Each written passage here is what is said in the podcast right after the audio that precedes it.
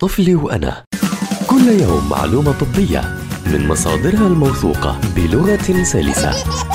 طفلي وأنا عبر أجيال مع أخصائية الأطفال وحديثي الولادة سما برغوثي.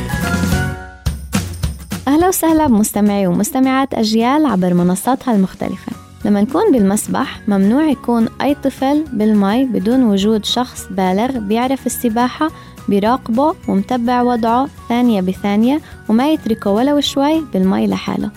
استنوني بحلقة جديدة من طفلي وأنا حتى نحكي عن أمور بتتعلق بصحة الطفل.